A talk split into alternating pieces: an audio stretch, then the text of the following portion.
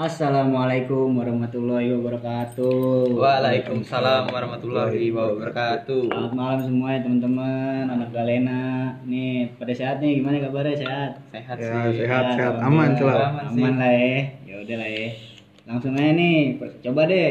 Gue mau apa ya di sini malam-malam gini nih gue bikin podcast pengen bantu temen gue nih Asik sih. katanya sih ada tugas Iya. Ya udah deh gue bantu aja deh gimana nih Boleh lah. coba perkenalan dulu deh mulai dari lu deh ya nih Oke, kenalin. Nama gua Adrian. NIM gua 119 370 037. Panggilan gua Yan boleh, panggil Adri boleh, panggil An boleh. Apa aja lah seenak lu pada lah, aja. seenak-enaknya aja deh Yoi, Bu asik. oke eh, nih lanjut lah der Oke, perkenalin eh, nama gua Dery Sinu. hmm. NIM-nya 119370072 dari Prodi Teknik Pertambangan Oh, tambang. Iya dong, Luar sobat Galena gua. Sobat Galena kita. Galena Galena, boy. oke Tapi sabar dulu dong, sebelum masuk materi, hostnya belum perkenalan Iya. nih. Oh iya, Siapa Waduh. dulu yang mandu kita Ini nih? jadi gini nih, gue kan di sini nggak ada sebetulnya nggak ada masalah apa apa nih. ya. Waduh. Kan cuma bantu doang nih. Boleh Jadi gue kenalan dulu deh. Kenalin nama gue Alwi Reja, orang Betawi. Uset. NIM gue 119 370 118. Mantap. Sama, gue juga anak tambang. Jelas kita anak tambang semua. Galena squad ya. Yoi. Aja. Langsung aja nih. Boleh. Ini di sini materinya kalau gue lihat nih tentang komunikasi nih, wah berat juga nih. Asik sih. Asik, asik. Tapi komunikasi. agak berat nih. Asik geli-geli gitu ya. Ayo, dong. Coba deh, gue mau nanya dulu deh. Dari lo dulu nih, Ane. Menurut lo apaan sih komunikasi itu?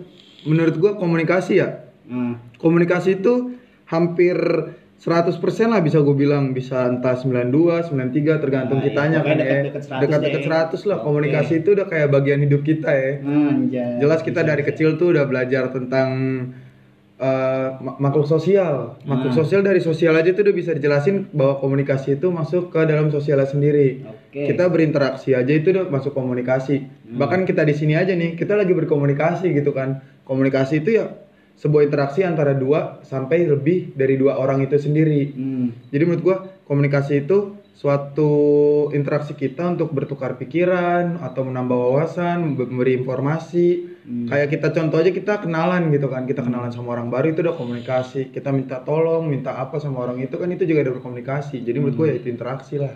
Ya berarti itu suatu hal yang penting banget tuh ya di, di jelas. kehidupan manusia ini. Parah penting parah. Ah, Oke, coba deh kalau lo deh. Menurut lo nih komunikasi itu apaan sih? Kalau kata gua tuh komunikasi itu sesuatu yang pasti dimiliki oleh setiap manusiawi. Oke. Dan gua mau bilang komunikasi itu nggak cuma kita dari omongan doang, nggak dari Hmm. percakapan doang, bahkan orang bisu juga komunikasi. bener banget sih. Karena apa ya? Komunikasi itu um, biasanya orang anggap cuma perkataan atau ngobrol itu komunikasi. Tapi Hmm. dari segi isyarat, kedipan mata aja itu tandanya Oh, komunikasi. Ah, bener banget sih. Kadang isyarat tuh ya. asli. Isyarat. Hmm. Nggak harus komunikasi tuh yang mulu-mulu tentang ber- kayak kita ngobrol kayak gini nih nggak memang itu komunikasi tapi komunikasi itu luas banget Hmm. yang kayak gua tadi bilang tuh sekedar kayak kita kedipin mata Oh, itu iya. aja itu Kode, komunikasi kode. Berarti sekecil apa pun itu bisa Asli. dibilang komunikasi dan dan dan apa ya dari kita brojol gitu ya dari Hmm. kita lahir kita kode nangis itu tuh bentuk komunikasi Nah. kita karena butuh susu ya nggak sih Betul banget nah sih itu. makanya itu dari Terus kita sebagai lahir, kita sebagai kita sehat juga ya, Iya. lahir kita Iya. sehat komunikasi dengan iya, cara nangis.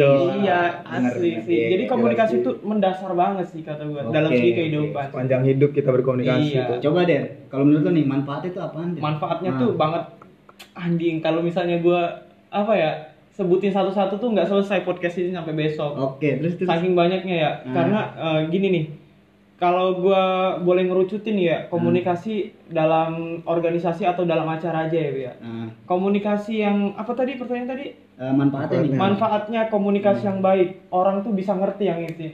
Ngerti maksudnya. Hmm. tujuan utamanya komunikasi itu apa? Orang bisa ngerti apa yang kita maksud. Mm-mm. Nah, itu tuh manfaatnya kalau kita dalam suatu acara, dalam kita melakukan komunikasi komunikasi yang baik dengan komunikasi yang baik dan struktur dan lancar, Ah, acaranya juga pasti bagus. oh, oke, Karena oke. sebagus apa pun acara tanpa komunikasi yang baik bakal Hancur. hancur. Oh, iya, bener itu sih sih. Coba kalau lo nih, apaan sih menurut lo nih manfaatnya Menurut komunikasi gua nih? manfaatnya komunikasi. Kalau dari jelasin tentang organisasi, gue jelasin tentang fungsinya lah ke kehidupan Oke. kita. Dari kita komunikasi aja, udah pasti isi dari komunikasi itu sebuah informasi. Ah, Dari kita sudah berkomunikasi aja, kita berinteraksi, kita udah dapat informasi baru. ah. Sekecil apa pun itu informasinya, kita dapat informasi baru. Ya, berarti pengetahuan baru juga. Jelas ya. dari pengetahuan baru kita makin berwawasan luas. Hmm. Komunikasi itu menurut gua hal yang paling depan mendasar lah dari segala hal. Lu bisa menambah eh, wawasan kita sendiri, terus dari komunikasi kita juga mempunyai banyak teman lagi. Hmm. Contoh kita makhluk yang antisosial lah, bayangin aja. Nah, iya. Di situ kita cuman berkomunikasi sama diri kita, bahkan mungkin kalau dia antisosial berkomunikasi cuma sama keluarga. Ya menurut gua kalau lu berkomunikasi secara itu itu komunikasi, tapi manfaat komunikasi yang lebih besar itu saat kita berinteraksi dengan luar orang banyak. Iya, benar. manfaatnya lebih banyak lagi Jelas. kalau bisa kita bisa kita lihat aja lah kita komunikasi sama teman-teman kita bertukar informasi iya. apalagi kita di sini kan pelajar ya istilahnya kita kaum kaum yang mau mencari ilmu lebih dalam lah kita berkomunikasi belajar bareng aja itu udah bisa nambah wawasan buat diri kita Terus sendiri juga nambah relasi juga ya berarti. ya. Jelas. Sebagai mahasiswa kita kan butuh juga relasi. nah ya. orda Nah, aduh itu juga bisa jadi itu sih. lanjut lah lanjut lanjut Oke lanjut. dah, kita lanjut nih. Nih kalau di sebuah acara nih, biasanya kan ada tuh eh, dampak buruknya juga nih kalau kurang komunikasi atau bisa kita bisa nyebutnya tuh miskom. Iya. Hmm. Nah, lu gua mau nanya nih sama lu dulu deh, Yan. Boleh. Eh, sebab akibatnya nih, kira-kira apa sih yang bikin Hmm. adanya miskom itu di sebuah acara atau sebuah organisasi? miskom miskom itu kita jabarin dulu lah pengertiannya miscommunication pasti di situ ada ada katanya istilah komunikasi yang terputus atau komunikasi yang gagal istilahnya. Nah, menurut gua sebabnya itu ya pasti karena kurang terbukanya seorang istilahnya jatuh komunikasi itu sama semua anggotanya. Di situ salah satu salah, salah satu anggota acara itu tidak terbuka diri untuk memberi informasi baru. Yang tadi gue bilang kan interaksi itu penting banget. Hmm. kalau dia anti sosial ikut organisasi dia cuma tahu informasi itu sendiri ya itu sebabnya. Akibatnya bakal hancur itu acara menurut oh gua iya, bener juga ya. di saat informasi cuma dipegang satu orang tidak menyebar sedangkan ada plan baru di situ ya cuma orang itu yang tahu orang itu yang ngejalanin orang itu nggak kuat ngejalaninnya orang-orang lain juga nggak ngebantu kita nggak tahu seterusnya kan plan B-nya itu Hmm. gimana terus sebab-sebab yang lain lagi kayak contohnya itu eh, informasi putus di satu orang Hmm. padahal orang itu harusnya bertanggung jawab untuk meneruskan informasinya itu sebabnya akibatnya pasti sama acara itu nggak bakal berjalan dengan lancar jelas pasti acara itu bakal chaos sendiri Oke, Kalau jadi intinya itu tuh kalau misalnya acara atau organisasi itu sebuah bangunan, miskom eh komunikasi itu sebagai pondasinya Iya, lah ya. jelas. Bahan-bahannya. Iya, percuma Kalau- lu udah bikin bangunan bagus, pondasinya jelek, udah Iya. komunikasi kita jelek ya, Iya, hancur juga itu Bener bangunan. banget sih, langsung jadi hancur tuh kacau. Nah, kalau menurut lo nih Der gimana tuh Der? Apa tuh? Eh, miskomunikasi nih sebab akibatnya nih kalau yang dari lo dari pengalaman lu nih selama jadi organisasi nih. Oke, kalau tentang miskomunikasi, mis kita kita terjemahin satu-satu ya. Mis itu artinya gagal, komunikasi kegagalan dalam berkomunikasi. Iya. Nah, ini disebabkan karena apa? Karena kurangnya persiapan kata kalau kata gua. Karena karena orang itu tidak menyadari tupoksi dia dalam suatu bertugas, dalam da- sewaktu bertugas maksudnya. Karena apa? Eh, informasi itu nggak nyampe. Oke, terus Ah, karena apa ya terjadi eh, putus komunikasi itu menyebabkan segala sesuatu yang kita rancang itu dari awal itu Mhm. gagal. iya bener juga sih. Lu udah ngerancang inform eh, ngerancang suatu bentuk acara dengan sedemikian rupa semenarik Iya, mungkin. tapi kalau nggak di informasinya nggak dijalanin Benar. secara komunikasi, Iya. jadi hancur tuh ya. Dan yang jelas tuh masalah orang tuh masalah persepsi. Oke, Karena kalau kalau misalnya kita komunikasinya itu jelek, Mhm. persepsi orang beda-beda. Beda kalau misalnya kita jadi informasinya tuh ngerti loh maksudnya. Iya, coba Gua contohnya pengennya- gimana nih? Kalau gua, misalnya- gua dapet. Misalnya gue pengennya nih Ah. membentuk suatu acara dengan cara eh, hiburannya nih, Ah. hiburan, pokoknya hiburan yang gue maksud nih pengen datangkan band, Oke, itu persepsi ini. misalnya, Hmm. misalnya pengen datangkan band yang slow gitu, yang pop pop gitu, yang Iya, biasa-biasa. oke. Ah. Tapi kalau karena gue penyampaian gue buruk ke anggota-anggota gue, Nah. dalam suatu acara itu dia malah ngedatengkannya yang keras, pop rock kayak gitu. Oke. Jadi ibaratnya gue patokannya sama-sama hiburan, tapi Nah. maksud gue nggak sampai ke anggota-anggota gue, itu namanya miss. Hal-hal seperti itu tuh yang miss karena Kadang- apa komunikasinya yang jelek gitu. Persepsinya itu nggak bisa kita salahin anggotanya, nggak bisa kita salahin ketuanya karena apa komunikasinya yang buruk. Oke, berarti jadi Gitu. komunikasi itu kunci dari eh, Benar. sebuah apa Segalanya. ya?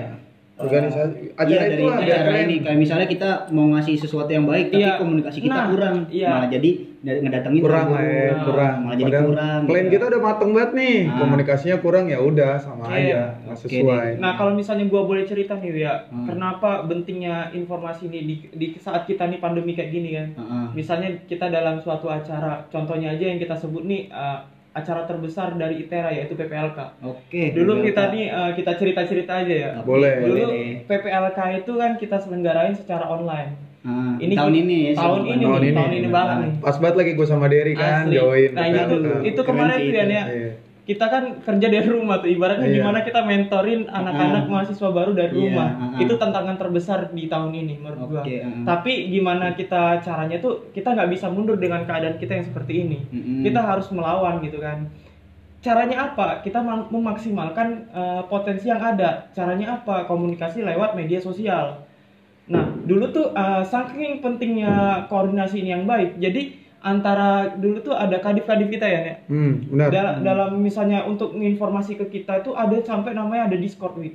Oke, ada Jadi- Discord-nya tuh. Iya, pas sampai hari H. Discord pas, hari H itu ya. Sebelum hari H juga persiapan Itu kita pakai Discord. Iya. saking pentingnya komunikasi Iya, ini iya. sampai Pokoknya harus ada Discord-nya harus berarti ada ya? Discord karena apa? Kar- kalau nggak ada Discord itu mungkin maksud dari panitianya ini nggak bisa sampai ke kita para mentor gitu, Wi. Oke, terus Dan juga kalau misalnya gue nih ya, gue sama Adrian dulu kan sebagai mentor ya. Iya, pas. Gimana kita cara mendidik, ah, bukan mendidik sih, ngarahin. Menyampaikan lah informasi, informasi, ITERA, informasi. pengenalan ITERA ke maba Iya. kita. Iya, melalui apa? Ya media sosial itu juga bentuk dari komunikasi. Oke, gua tapi kan eh, kita kan beda nih tahun lalu sama tahun ini kan tahun lalu offline, tahun ini Iya, online. iya. Nah, itu kira-kira tuh apa menurut lu tuh perbedaannya tuh? Kan dari segi komunikasi jelas kan jauh. jelas banget kan kita nggak bisa tatap muka langsum. jelas. Nah, kira-kira tuh gimana tuh menurut lu tuh?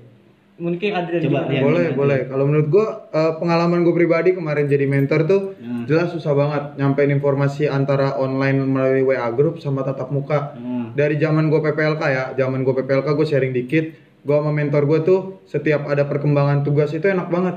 Kita setiap hari ngumpul di situ kita selalu kerjain tugas bareng-bareng. Dan itu informasinya nyampe semua. Kita harus ngapain tugasnya. Tapi berbeda halnya kemarin pas gue jadi mentor, gue nyampein nih tugas-tugasnya mereka ke maba gue yang gue yang gue bimbing inilah. Hmm. Di situ tuh gue sering ngecekin eh, kalau WA itu kan bisa ngecek ya dia udah ngerit Nah, apa belum. iya. Nah itu ada yang belum ngerit lah, ada yang tidak tersampaikan lah, atau checklist satu yang bisa kita bilang lah Hmm. dia nggak ada paketan atau gimana. Jujur itu susah banget gue buat nyampein ya karena eh, deadline tugas itu udah disiapin ya Der ya. Semua Iya. deadline tugas udah disiapin. Oke. Terus beri, informasinya nggak nyampe nih. Hmm. Nah mabanya itu juga bingung pas tiba-tiba dia udah on kembali, dia nanya kok ada ada tugas ini kak, gimana ya? Saya harus gimana? Nah jelas itu juga rusak banget itu di situ Jadi gua. bakal ngerusak banget tuh ya kalau Nah. misalnya apa namanya kita udah capek-capek ngasih Iya. yang lain udah pada Iya. tahu tapi dia sendiri nggak tahu gitu. Nah Bingung juga dianya sendiri dia, gupek kali. Benar. Nah, kalau lu Der gimana tuh Der? Dari pengalaman lu nih Der? Iya, gue yang paling misalnya terasa banget tuh karena kesusahan ya, keresahan gitu di Hmm. gue karena online ini nih ibaratnya dulu pas eh, yang sama kasusnya kayak Adrian tadi, jadi gue udah sounding pengumuman nih, Wi. Nah, udah pengumuman gitu ya. ngasih ke anak-anak. Iya, udah pengumuman. Eh tiba-tiba karena kesalahan dua orang yang tadi kayak Adrian tadi, dia Hmm. lama ngebuka grup, dia nanya-nanya lagi, eh kok ada ini kok gua nggak tahu. Nah, Hmm. Ya itu yang nyebabin gua tuh kayak ngasih pengumuman tuh berulang-ulang gitu loh. Iya, padahal cuma satu dua orang doang kan yang iya karena itu ya gua ngulangin lagi informasinya kayak gini kayak gini, tapi nggak bisa kita salahin Iya, karena kita ada konsekuensi keadaannya itu kita. kayak gitu Iya, sih. Terus jadi ma- makin kayak gitu makin jadi sering kom miskom, Iya, bener gak sih? Nah, coba coba gue tanya nih, menurut lu nih ya, cara meminimalis meminimalisirnya tuh yang kayak gitu-gitu gimana tuh? Kalau miskom itu tuh bisa di, uh, diatasi dengan cara menjaga komunikasi sebaik mungkin dan sesering mungkin. Oke. Misalnya dalam suatu uh, kita kepengurusan atau suatu acara, gimana caranya nggak miskom? Itu diadakan briefing yang sebaik mungkin. Di dalam briefing itu lu harus uh, memaparin nih, misalnya posisi lu sebagai ketua, lu harus memaparin dengan baik gimana acaranya ini bakal berlangsung, panitianya ini bertugas sama siapa aja, dan lu sebagai ketua tuh harus uh, nyampein tupoksi dari tugas-tugas anak-anak lu nih. Misalnya lu sebagai ketua nih apa fungsinya kayak gini kayak gini. Hmm. Terus ke anak-anak lu, misalnya dia sebagai timekeeper. Timekeeper nih uh, tugasnya itu apa? Wewenang dia apa? Dan ketika ada masalah apa dia harusnya gimana? Dari briefing itu yang baik itu uh, itu sangat penting sih Wi, menurut gua. Di situ lu kayak komunikasinya harus tanemin lah Hmm. misalnya lu di acara ini kayak gini kayak gini kayak gini tugas lu kayak gini kayak gini kayak gini jadi pada saat hari H orang itu udah nyaman banget karena apa udah tahu apa yang harus dia lakuin Hmm. nggak lagi bertanya-tanya tuh gua harus ngapa nih harus ngapa Oke. sampai kayak gupek kayak gitu dan justru kalau lebih baiknya orang tuh bisa saling backup gitu loh. Informasinya jelas. Dan misalnya lu uh, ada tantangan nih misalnya kendalanya kayak gini kayak gini dan lu harus ngejalanin planning B. Planning B ini gimana caranya sampai ke seluruh anggota lu? Kayak gitu.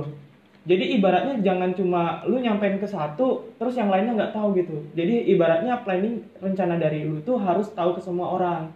Beda lagi kalau misalnya persiapan nih. Yang gua uh, pengalaman gua nih ya Hmm. dalam persiapan ini kan namanya perkumpulan misalnya sebagai ketua ada divisi-divisi tuh Iya. hmm. misalnya dalam divisi-divisi itu kita nggak bisa maksain setiap kita ngadain persiapan acara itu 100 orang 100% orang datang itu nggak mungkin menurut gua Oh. caranya gimana kita memaksimalkan orang-orang yang hadir dalam situ jadi cukup lu misalnya dari divisi acara cuma dua nih yang yang hadir Hmm. sedangkan di anggotanya ada enam jadi lu gimana caranya pesen dari lu tuh sampai ke dua orang ini dan dua orang ini tadi Sampai meneruskan lagi iya. ke anggota Iya. yang lain Nah, benar, jadi benar, ibaratnya ya tadi komunikasinya itu dijaga dengan baik Iya, itu tetap sih berjalan ya meskipun Itu sih, ada yang iya. datang tetap berjalan Iya, komunikasi informasi. Cek. Jadi intinya kalau misalnya kerja nih eh sebuah acara pasti orang-orang kan masing-masing punya Iya. porsi kerjanya itu. Kalau misalnya komunikasinya kurang otomatis mau kerjanya itu udah bagus tetap aja kalau komunikasinya kurang dari atasan pasti bakal jadi chaos kan tuh asli acara nih. Nah, coba kalau dari lu nih, Yan, menurut lu nih kira-kira gimana cara Iya, minimalisir minimalisir kom- miskomunikasi miskom- nih? miskomunikasi sendiri ya. Nah, Gua cerita pengalaman gue dikit boleh lah ya. boleh lah. Waktu gua megang suatu acara yang gede gitu kan, menurut gua gue bangga banget di situ gue bisa dipercaya jadi ketua pelaksana megang acara event lomba sejabodetabek gitu kan keren Hmm. banget waktu gue masih di Jakarta nih ceritanya di situ tuh gue uh, megang ketua pelaksana jelas yang gue bilang sendiri tadi gue yang gue tanemin itu pasti komunikasi. Hmm. di organisasi mana pun pasti yang gue tanemin organisa eh, komunikasi itu sendiri. Contoh yang tadi kayak Derry bilang harus terusin pesan. Itu gue terapin pas gue jadi ketua pelaksana itu. Jadi mau itu rapat cuman berapa orang maupun itu rapat progresnya kecil atau besar gue pasti bilang notulensi rapat itu pasti selalu harus gue sebar. Siapa pun yang datang di situ gue minta dia sebar ke divisinya. Bahkan gue sendiri pun nyebar ke grup divisinya gue sebar ke kepala divisinya semua orang gue sebarin dah tuh menurut gue dengan kita nyampein informasi itu aja dia bakal ada satu timing dia bakal ngebaca itu. Dia bakal ngebaca oh ternyata progres kita udah sampai sini. Setidaknya dia emang tidak bisa hadir rapat eh, dia tahu gitu progres kita ke depan apa. Jangan sampai nanti apa yang udah kita rencanain pas hari H dia nggak tahu apa-apa pas ditanya dari pihak luar atau bahkan paling kritisnya ditanya sama temennya sendiri gitu dia nggak tahu Hmm. gitu kan Wah, malu menurut gua itu wah sih. itu sih parah banget gitu Apalagi kan lu sebagai ketua nih kan, Nah. ngeliat bawahan lu kayak gitu. Bawahan gua kayak Nanti kan gitu. orang-orang ngiranya, ini gimana ketuanya nih? Nah. Eh, bawahannya kok nggak tahu nggak dikasih infonya apa? Ma- ma- Gitu. itu makanya selalu gue suruh forward pasti ada timingnya dia bakal ngebaca gitu kan Iya, terus eh, sebelum acara mulai itu setidaknya kalau orang-orang nyiapin hamin 3, hamin 4 beda sama gua gua hamin dua minggu, hamin seminggu, hamin 3, hamin 2 itu baru gue siapin semuanya tuh hamin 14 semua informasi gue suruh jadi satu rangkum kalau bisa hamin 14 itu udah nggak ada informasi yang berubah lagi. Udah nggak ada plan-plan lagi yang berubah. Jadi sebelum hamin 14 itu kita susun plan A, plan B, plan C. Pas hamin 14 persis itu plan udah kita tetepin. Jadi nggak bakal ada informasi baru lagi. Cuman ada informasi yang berprogres tidak ada informasi yang berubah. Kalau gue sendiri kayak gitu. Pas hamin 7 informasi yang berprogres itu di print semuanya di print semua kepala divisi megang kepala divisi fotokopi bagi ke staf Anak-anaknya. divisinya Hmm. jadi anak-anak baca apa yang baru hamin 3 itu kalau gue sendiri waktu megang acara itu kita baca semuanya kita tetepin satu rapat besar itu kita kasih gambaran lah jadi secara teoritis gitu kan kita Oke. kasih gambaran besok kita kayak gimana eh, rundownnya gimana segala macem ini pengalaman gue pas jadi ketua pelaksana tuh bener-bener komunikasi yang paling gue Iya, tekenin banget sih.